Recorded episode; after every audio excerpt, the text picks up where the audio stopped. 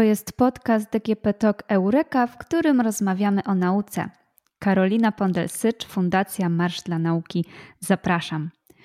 Gościem podcastu jest fizyk Dariusz Aksamit. Dzień dobry. Dzień dobry, Dariusz Aksamit, również Fundacja Marsz dla Nauki, między innymi. Spotkaliśmy się, aby porozmawiać o energii jądrowej. I tak pomyślałam, żeby zacząć od tej technicznej strony i od wytłumaczenia tego, jak właściwie działa elektrownia jądrowa. Tak, to tu moja afiliacja Wydziału Fizyki Politechniki Warszawskiej jest bardziej adekwatna, e, bo musimy sięgnąć faktycznie do fizyki jądrowej. E, I e, przy czym od razu zaznaczę, że zarówno elektrownie jądrowe i węglowe mają część wspólną. Chodzi o to, że po prostu trzeba wygenerować dość dużo ciepła, żeby odparować wodę, a woda idzie na turbinę i napędza turbinę i mamy z tego generator. I jedyne, znaczy w telegraficznym skrócie, to czym tak naprawdę różni się elektrownia jądrowa od węglowej, to, to w jaki sposób podgrzewamy tę wodę. No więc w elektrowni węglowej, no po prostu spalamy węgiel i mamy wielki kocioł z wodą, który grzejemy. Natomiast w elektrowni jądrowej nie, to jest jedyny rodzaj elektrowni, w której nie korzystamy z procesów chemicznych, czyli nie, nie doprowadzamy do spalania w tym sensie, że mamy spalanie węgla, ropy, gazu, wszystko jedno, czy biomasy, wszystko jedno czego, to jest działanie na takim poziomie chemicznym, na poziomie atomu, na poziomie elektronów.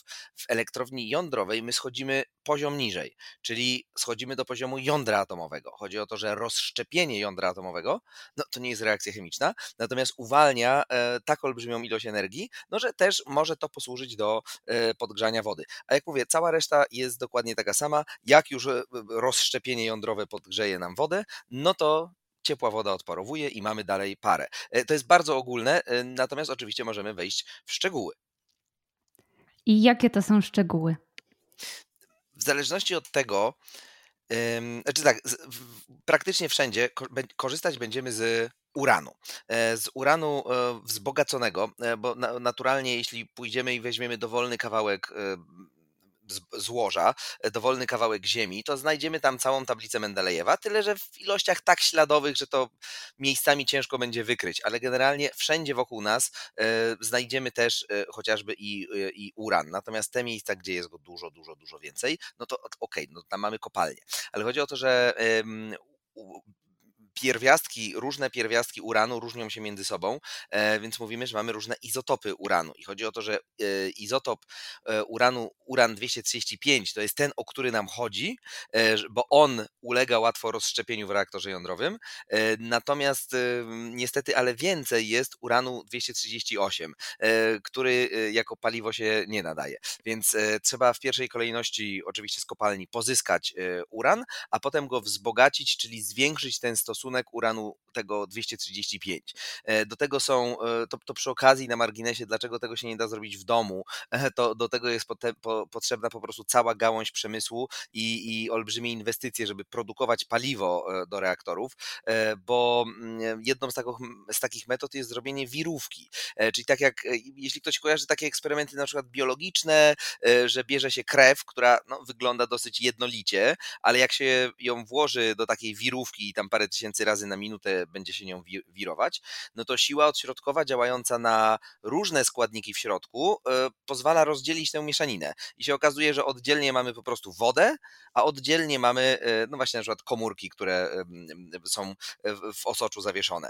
E, I tu podobnie ten uran się odwirowuje i izotop, który jest troszeczkę cięższy, będzie, inna, będzie na niego inna siła odśrodkowa działała niż na ten lżejszy. Ale tu są to są tak potężne maszyny, że mówię, tak, nie, nie, da się takiej instalacji praktycznie e, ukryć. No i teraz, jak mamy to e, paliwo, to jak, jak tak po prostu mamy dużo uranu, no to z tego jeszcze reaktora e, nie będzie. Musimy mieć dostatecznie dużo tego uranu rozszczepialnego, żeby mieć tak zwaną masę krytyczną, czyli w momencie, kiedy dochodzi do rozpadu jądra atomowego, emitowane są neutrony. I rzecz w tym, że możemy wywołać kolejne rozszczepienia, właśnie tymi neutronami. No tylko, że tych neutronów z każdego rozpadu jest kilka, więc y, że szansa, że one trafią w kolejne jądra jest niewielka. Więc dopiero jeśli mamy dużo e, tego uranu, to dopiero tak dużo neutronów się produkuje, że ta produkcja kolejnych rozszczepień jest w miarę podtrzymywalna. No i, no i teraz cała rzecz w tym, że oczywiście jeśli mamy go za dużo, no to dochodzi do łańcuchowej reakcji i wtedy mówimy o bombie, ale to jakby kompletnie w ogóle nie, nic nie ma wspólnego z energetyką jądrową. W ogóle nie te poziomy wzbogacenia paliwa. Natomiast tu po, po, jeśli chcemy zwiększyć prawdopodobieństwo, żeby zaszła taka reakcja jądrowa, e, czyli żeby efektywniej wykorzystywać te neutrony, to musimy je spowolnić. I teraz się okazuje, że najprostszym spowalniaczem, e, czyli tak zwanym moderatorem, jest woda. No i, y, i to od razu tłumaczy, jak to jest możliwe, że czasem pojawia się taka informacja, że najstarszy reaktor jądrowy e, no ma, ma tam dobre 2 miliardy lat. E, to, to jest zaskakujące, jak się słyszy o tym po raz pierwszy, ale, ale jeśli wie się o tym, że przecież mamy uran gdzieś tam w skałach i wie się o tym, że na Ziemi padają deszcze, i wie się o tym, że następują przez miliony lat różne ruchy tektoniczne, no to może się zdarzyć tak, że na skutek właśnie jakiegoś trzęsienia ziemi, czy ruchu tektonicznego, czy erozji, odsłonięte zostanie złoże uranu, a potem popada deszcz, dziura zaleje się wodą i mamy naturalny reaktor jądrowy. I tak dokładnie e, stało się e, w Onkalo e, w, Afryce, jeśli dobrze pamiętam, 2 miliardy, 2 miliardy, 2 miliardy lat temu. To były naturalne reaktory jądrowe. No ale tak, umówmy się, że nasze są troszkę bardziej optymalne, bo to paliwo, jak już włożymy do reaktora jądrowego, no to właśnie jest zawsze to pytanie. Po pierwsze, co będzie moderatorem? A po drugie, co będzie chłodziwem, czyli, czyli co będzie odbierało to ciepło e, z tego rozpada, rozpadającego się paliwa. No i teraz jak połączy się to, że mamy moderator i chłodziwo, to stąd się pojawiają takie nazwy reaktorów, jak to, że mamy wodno-grafitowe, albo wodno-wodne, albo ciężkowodne, albo grafitowo-gazowe i tak dalej, i tak dalej. Te kombinacje mówią wam, wam nam właśnie o tym. E, w jaki sposób my kontrolujemy reakcję, czyli, czyli co jest moderatorem, który kontroluje de facto ilość neutronów, która powoduje dalsze rozszczepienia, no i co jest tym czymś, co przekazuje wodę dalej do, e, e, do układu. Nie wiem, do jak dużych detali chcemy dotrzeć, ja tylko jeszcze jedną rzecz spróbuję wcisnąć w tej wypowiedzi, która jest istotna z punktu widzenia ochrony radiologicznej, czyli jeszcze to, że jak my podgrzewamy tę wodę i ona zamienia się w parę, to możemy to robić bezpośrednio, a możemy to robić pośrednio. Czyli możemy mieć taki jeden obieg wody, czyli faktycznie tam, gdzie następuje ta generacja ciepła, tam e, podgrzewamy wodę i ona odparowuje i leci bezpośrednio na turbinę ale możemy zrobić tak, że mamy zamknięty obieg, tak zwany obieg pierwotny, i tam krąży woda ciepła, e, która przechodzi przez wymiennik ciepła, czyli po prostu takie rury, które połączone są z drugim zbiornikiem, który odbiera to ciepło i tam dopiero woda odparowuje. I wtedy w takiej konstrukcji mamy obieg wtórny, czyli obieg pierwotny i obieg wtórny, a nie jeden e, obieg. No i od razu jak się pomyśli o tym, e, gdzie dochodzi do jakiegoś skażenia, no to no tak, no w reaktorze jądrowym, jakby w rdzeniu reaktora, tam gdzie jest paliwo, tam gdzie dochodzi rozszczepień, no tak, tam, tam jest bardzo mnóstwo materiałów e, promieniotwórczych i woda dookoła tego paliwa, no też na skutek bycia w tym strumieniu neutronów, no ona też e, e, może być skażona. Natomiast woda z obiegu wtórnego, ona nie ma fizycznego kontaktu, e, nie, wymienia się z tą wodą pierwotną. Ona tylko styka się poprzez jakąś metalową ściankę, w której następuje wymiana ciepła. I stąd czasem są takie, no powiedzmy, pokazy, czy nie wiem, flashmoby, że czasem ktoś pije wodę z reaktora żeby pokazać, jak ona jest bezpieczna. No to znaczy, że ten reaktor jest takiej konstrukcji, e, że mamy wodę, e, że, że mamy obieg wtórny e, i, i, faktycznie no, ta woda jest po prostu czysta. To jest normalna woda, której faktycznie bez żadnego problemu można się napić. Czy oprócz tej części wody, która może być skażona, czy w takiej elektrowni występują też jakieś inne rodzaje odpadów? No przede wszystkim na pierwszym miejscu paliwo jądrowe, bo to y, paliwo wprowadzamy do reaktora i tu owszem ono naturalnie jest promieniotwórcze, no, no bo jest to uran, y, czyli jakaś mieszanina izotopów y, uranu. Natomiast w momencie, kiedy my doprowadzamy do takiego stanu podkrytycznego i dokonujemy kontrolowanej reakcji jądrowej, to my przyspieszamy proces rozpadu, który naturalnie zachodziłby przez miliony lat e, albo i miliardy. E, więc jakby może nie to, że tworzymy, ale po prostu jakby jest to taka promieniotwórczość na sterydach. W tym momencie samo wypalone paliwo jest faktycznie w cudzysłowie gorące, w sensie, że jest, jest bardzo promieniotwórcze i dlatego no, chociażby jak wymienia się paliwo, to ono na początku leży sobie w basenie gdzieś obok na terenie elektrowni, żeby się po prostu schłodzić przez dłuższy czas, a potem dopiero idzie gdzieś dalej na, na składowisko. Natomiast jeśli mówimy o wiązce neutronów, to tu jest ważna uwaga, że neutrony mogą dokonywać aktywacji innych materiałów, czyli jeśli, jeśli na przykład my się znajdziemy w wiązce promieniowania X, czyli na przykład jak jesteśmy u lekarza, robimy sobie prześwietlenie, no to to promieniowanie przez nas przeszło i tyle. E, I nawet ciężko jest wykryć, że w ogóle do czegoś takiego doszło. Natomiast jeśli, i na przykład nie, można wyjść i się przytulać, ale na przykład jeśli e, wychodzimy z zakładu medycyny nuklearnej i nam podano izotop promieniotwórczy, no to tak, to my jesteśmy skażeni znowu w cudzysłowie wie, bo zrobiliśmy to specjalnie, e, ale my mamy w sobie izotop promieniotwórczy, czyli my też promieniujemy przez jakiś czas, dopóki go nie e, wysikamy albo dopóki on się nie rozpadnie. Natomiast jeśli my wejdziemy w wiązkę neutronów, to w tym momencie bardzo dużo pierwiastków w naszym ciele też może się aktywować, czyli stać się promieniotwórcza, no właśnie na skutek e, reakcji jądrowych. No i analogicznie, jeśli mamy no, cokolwiek, co jest we wnętrzu reaktora, chociażby niech będzie jakieś metalowe pręty, no to one również mogą się e, e, aktywować. Dlatego no właściwie wszystko, co wychodzi z, z reaktora, no trzeba po prostu obadać. I niektóre rzeczy wiadomo, że się bardzo aktywują i od razu właśnie trzeba je na przykład schładzać w tym basenie, a niektóre mniej, wystarczy odczekać krócej i, i znowu są to e, zwykłe przedmioty. To, to zależy przede wszystkim od tego, jakie pierwiastki są aktywowane, czyli jakie izotopy promieniotwórcze się tworzą. No bo są takie, które mają czas życia milisekund, a są takie, które mają czas życia dziesiątek tysięcy lat, więc to zależy od konkretnych e, izotopów. I tak z grubsza, no to to jest jakby, jeśli ktoś jest zainteresowany takimi liczbami, ile tego jest tak w metrach sześciennych, to zachęcam, żeby wejść na stronę PAA.gov.pl, czyli Państwowej Agencji Atomistyki, e, ponieważ tam je, co roku jest publikowany raport prezesa PAA i tam są dokładne informacje, ile metrów sześciennych, w jakiej postaci i o jakiej aktywności e, zostało zabezpieczonych danego roku e, przez składowisko odpadów w Różanie. A czy możemy tak ogólnie porównać ilość produkowanych odpadów w elektrowni jądrowej do tych, które powstają w elektrowni węglowej? Czy jest ich mniej, czy więcej? To jest ciężko porównać, bo, bo to jest tak olbrzymia różnica, że, że nasza wyobraźnia po prostu sobie z tym czasem nie radzi.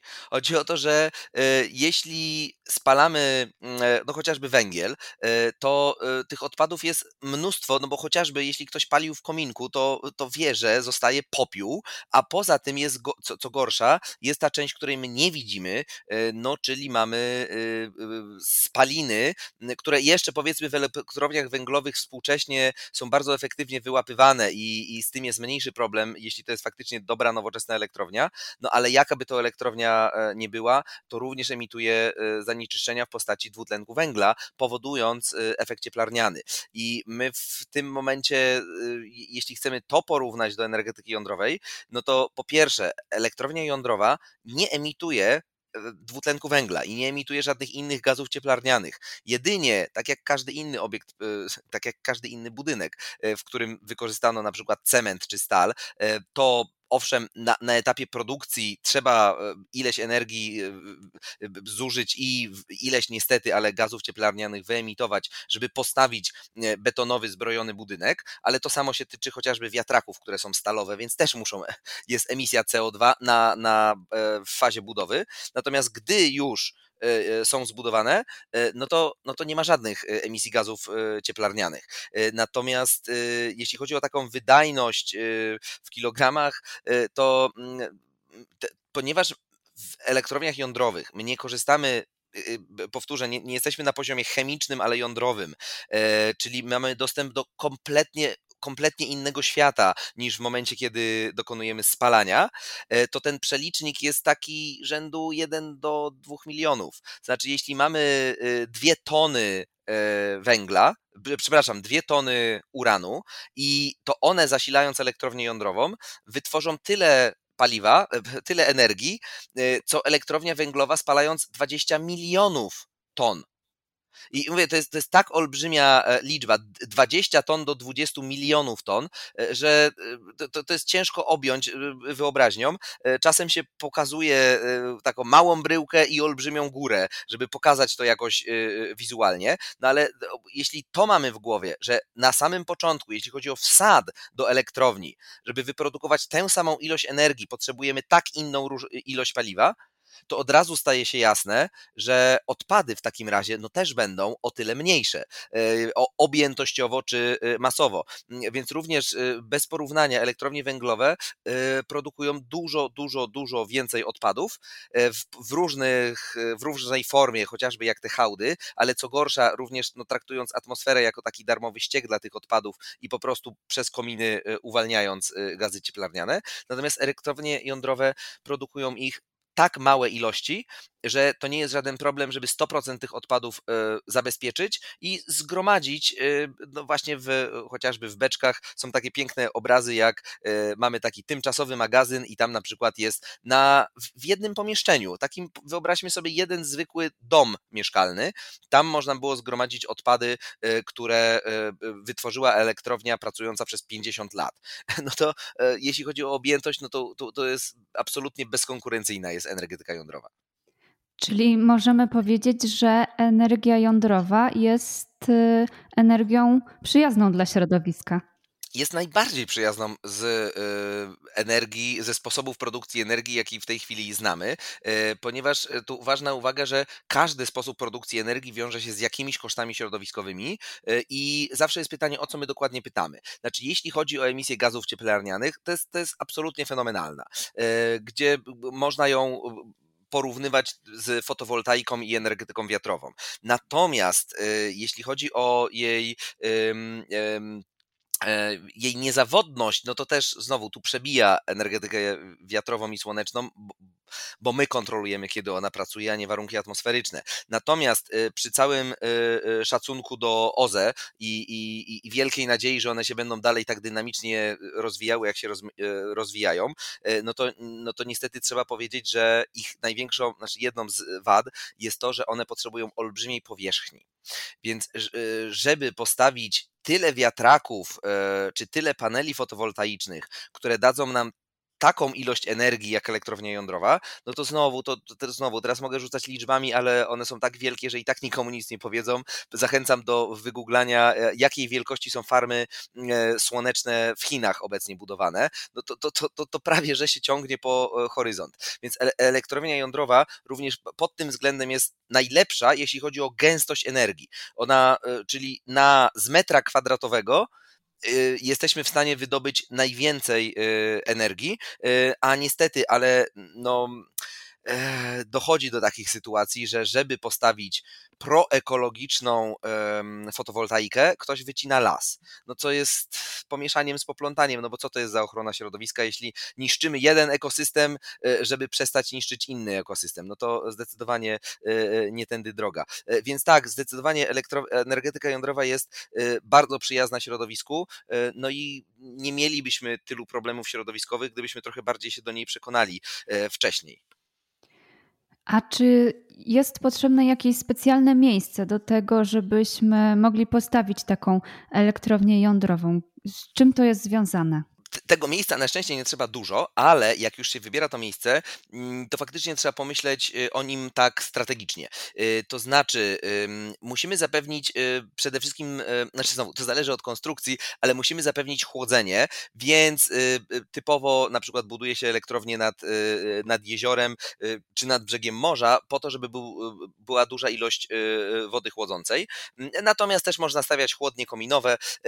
Niemniej, ze względów bezpieczeństwa jasne, że jeśli mamy e, strefę aktywną sejsmicznie, no to trzeba się dwa razy zastanowić, czy to jest dobre miejsce do budowy, może zbudować kawałek dalej. E, jeśli chodzi o bliskość y, osiedli ludzkich, no to też raczej w ogóle obiekty przemysłowe. I znowu, to nie jest charakterystyczne dla elektrowni jądrowej, ale generalnie e, raczej nie buduje się obiektów przemysłowych we, w środku miasta, tylko e, gdzieś na obrzeżach. Natomiast e, w energetyce jądrowej bardzo duży nacisk stawia się na bezpieczeństwo, więc tak na wszelki, wszelki, wszelki wypadek odsuwa się ją od właśnie takich gęstych zabudowań, raczej w taki bezludny teren, że nawet gdyby coś się stało, to i tak skutki będą tylko i wyłącznie lokalne, poza tym, że nie ma co się stać, ale gdyby się stało, to i tak jest dodatkowy środek bezpieczeństwa. Mm, e, no i też e, prowadzi się badania lokalizacyjne, czyli właśnie takie, które badają absolutnie wszystko, od e, typowych prędkości wiatrów i tego, jak woda się przesącza przez podłoże, po, po no dosłownie wszystko, żeby w razie czego, żeby, żeby po prostu kontrolować sytuację. No i też biorąc poprawkę na ludzką głupotę, czyli na przykład na e, terroryzm, e, bierze się pod uwagę, e, jaka jest, jaka jest takie strategiczne położenie tego obiektu, czyli, ale, ale też biorąc pod uwagę, że zdarzają się po prostu wypadki nieszczęśliwe, no to na przykład no, nie powinno na taka elektrownia być jakoś bardzo blisko lotniska, no bo a nuż się zdarzy wypadek i uderzy samolot w elektrownię. Spoiler, nic się nie stanie. Znaczy, obecnie elektrownie właśnie po zamachach World Trade Center zostały mm, przeprojektowane elektrownie i generalnie mają taką obudowę bezpieczeństwa, że nawet jeśli samolot w nią uderzy, to generalnie elektrownia, rdzeń jest bezpieczny, elektrownia może nawet dalej yy, pracować. Yy, ale, ale jakby chodzi o to, żeby pokazać tylko to, że patrzy się na wszelki wypadek, no dosłownie na e, wszystko, żeby przewidzieć z prawdopodobieństwem na przykład, jeśli są powodzie, no to sprawdźmy, jaki jest poziom wód normalnie? Raz na 10 lat, raz na 100 lat i na przykład raz na 1000 lat, żeby zaprojektować budynek tak, żeby no właśnie nawet za 50 lat, jak zdarzy się coś niebywałego i będzie, nie wiem, powódź stulecia albo powódź tysiąclecia, to nadal, żeby to nie przerwało działani, działania naszej y, elektrowni. Y, I niestety to właśnie był błąd, między innymi, który popełniono w Fukushimie, y, że, że tam niestety, ale inżynierowie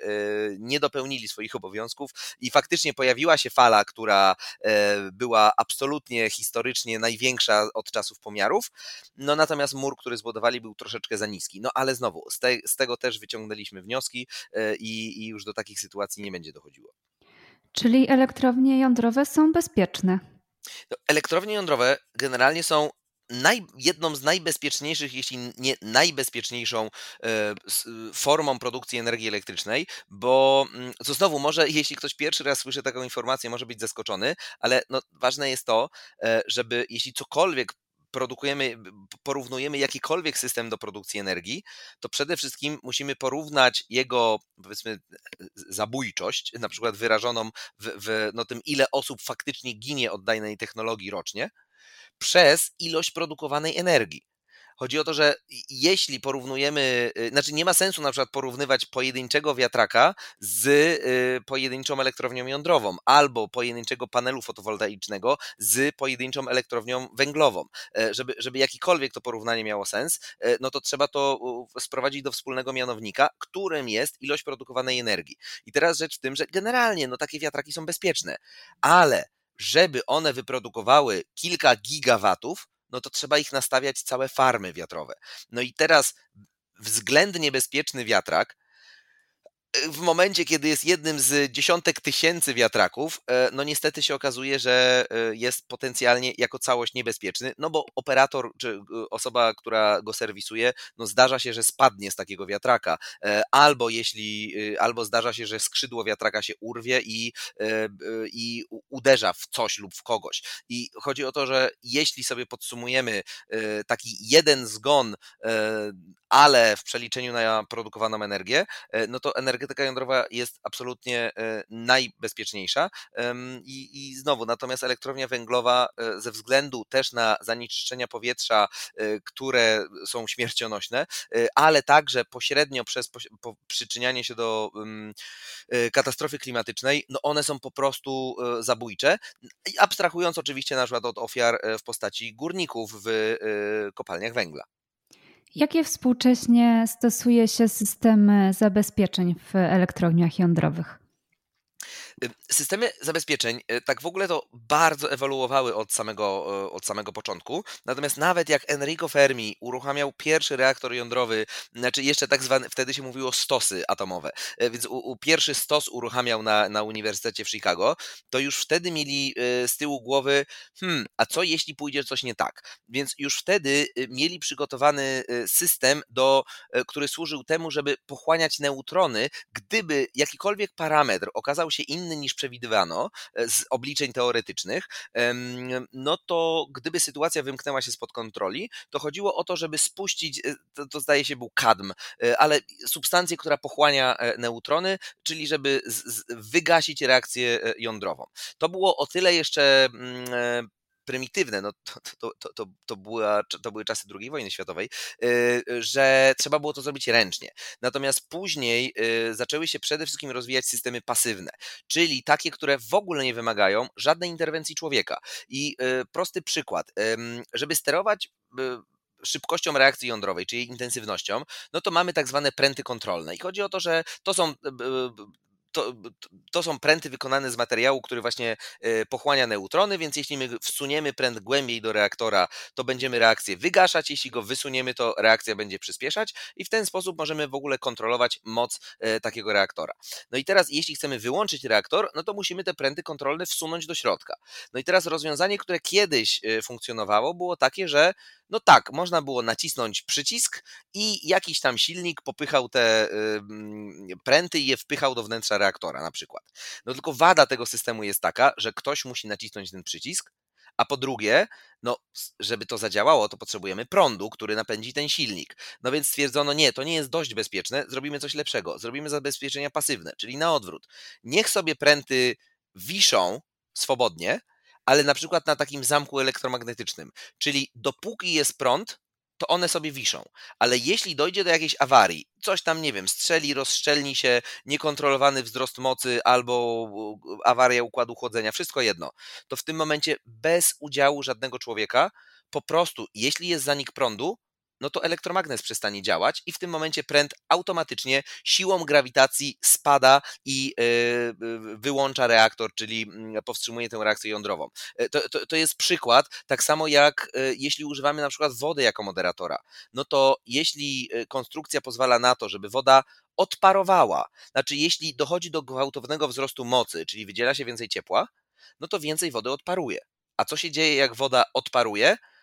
No to nie ma wody w e, rdzeniu, czyli nie ma moderatora, czyli reakcja wygasa. Więc o to chodzi, że takie, takie pętle sprzężenia zwrotnego, ujemnego, gdzie e, sa, procesy same się wygaszają, e, sprawiają, że nawet jeśli nikt nic nie zrobi, no to no właśnie do takiej sytuacji, no już chociażby jak abstrakcyjnej, ale sytuacji jak w Czarnobylu, nie ma fizycznie możliwości, żeby dojść. No i dzięki temu, nawet gdyby ktoś chciał celowo uszkodzić reaktor i go sabotować, no to nie ma jak, bo nie, nie da się obejść pasywnych y, systemów bezpieczeństwa. Jeszcze jeden taki przykład, żeby znowu to od zależności od y, kraju, konstrukcji, rodzaju reaktora, to są tysiące różnych rozwiązań, ale jeden, który może też przemawia do wyobraźni, y, to taka wielka obudowa, wielki, wielka obudowa, w której na górze zmagazynowana jest olbrzymia ilość lodu albo też może być woda.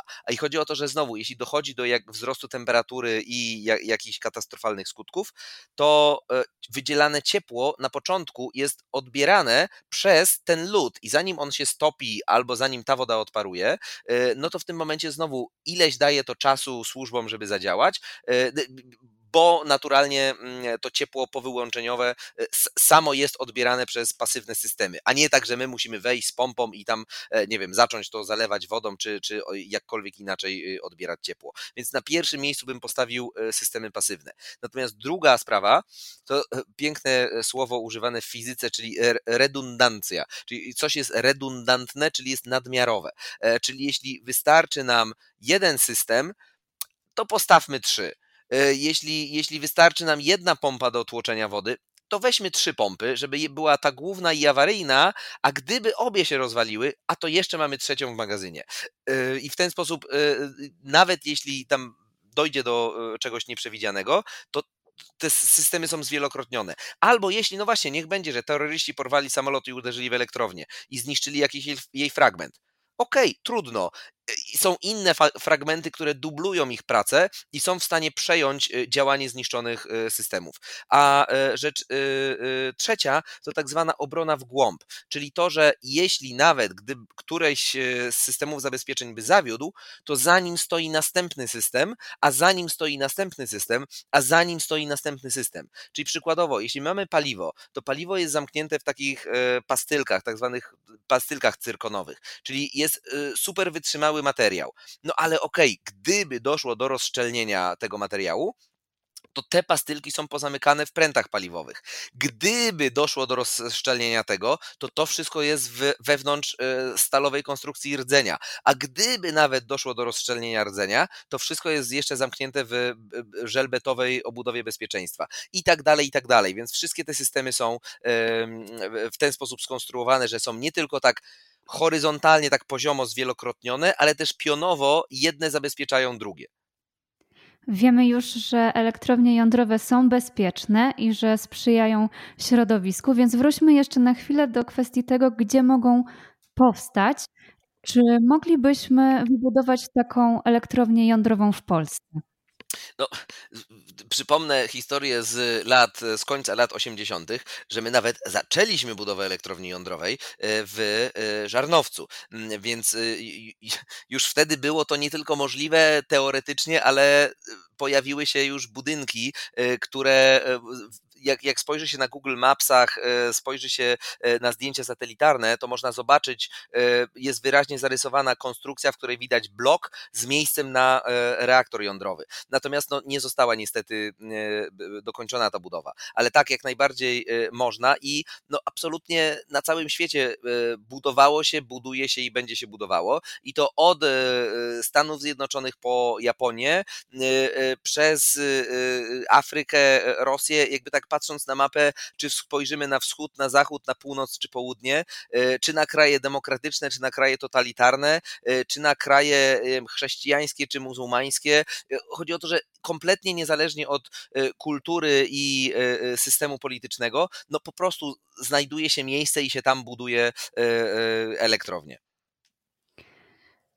A czy możemy porównać, e, ile elektrowni jądrowych e, potrzebujemy, żeby pokryć zapotrzebowanie energetyczne całej Polski i porównać to do elektrowni węglowych, które mamy obecnie.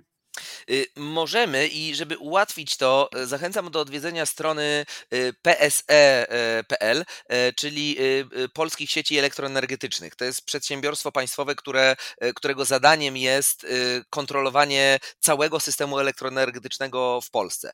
Więc jeśli w danym momencie wejdzie się na stronę PSE, to oni podają aktualną, aktualne dane, jakie w tym momencie jest zapotrzebowanie na energię elektryczną w Polsce. I zazwyczaj zazwyczaj to jest coś około w zależności czy jesteśmy w godzinach szczytu, czy poza godzinami szczytu, ale to jest coś rzędu dwudziestu kilku gigawatów. 22, może 26, w zależności od tego, o jakiej godzinie to e, e, sprawdzimy. Więc to jest moc zainstalowana, moc elektrowni, których my e, potrzebujemy.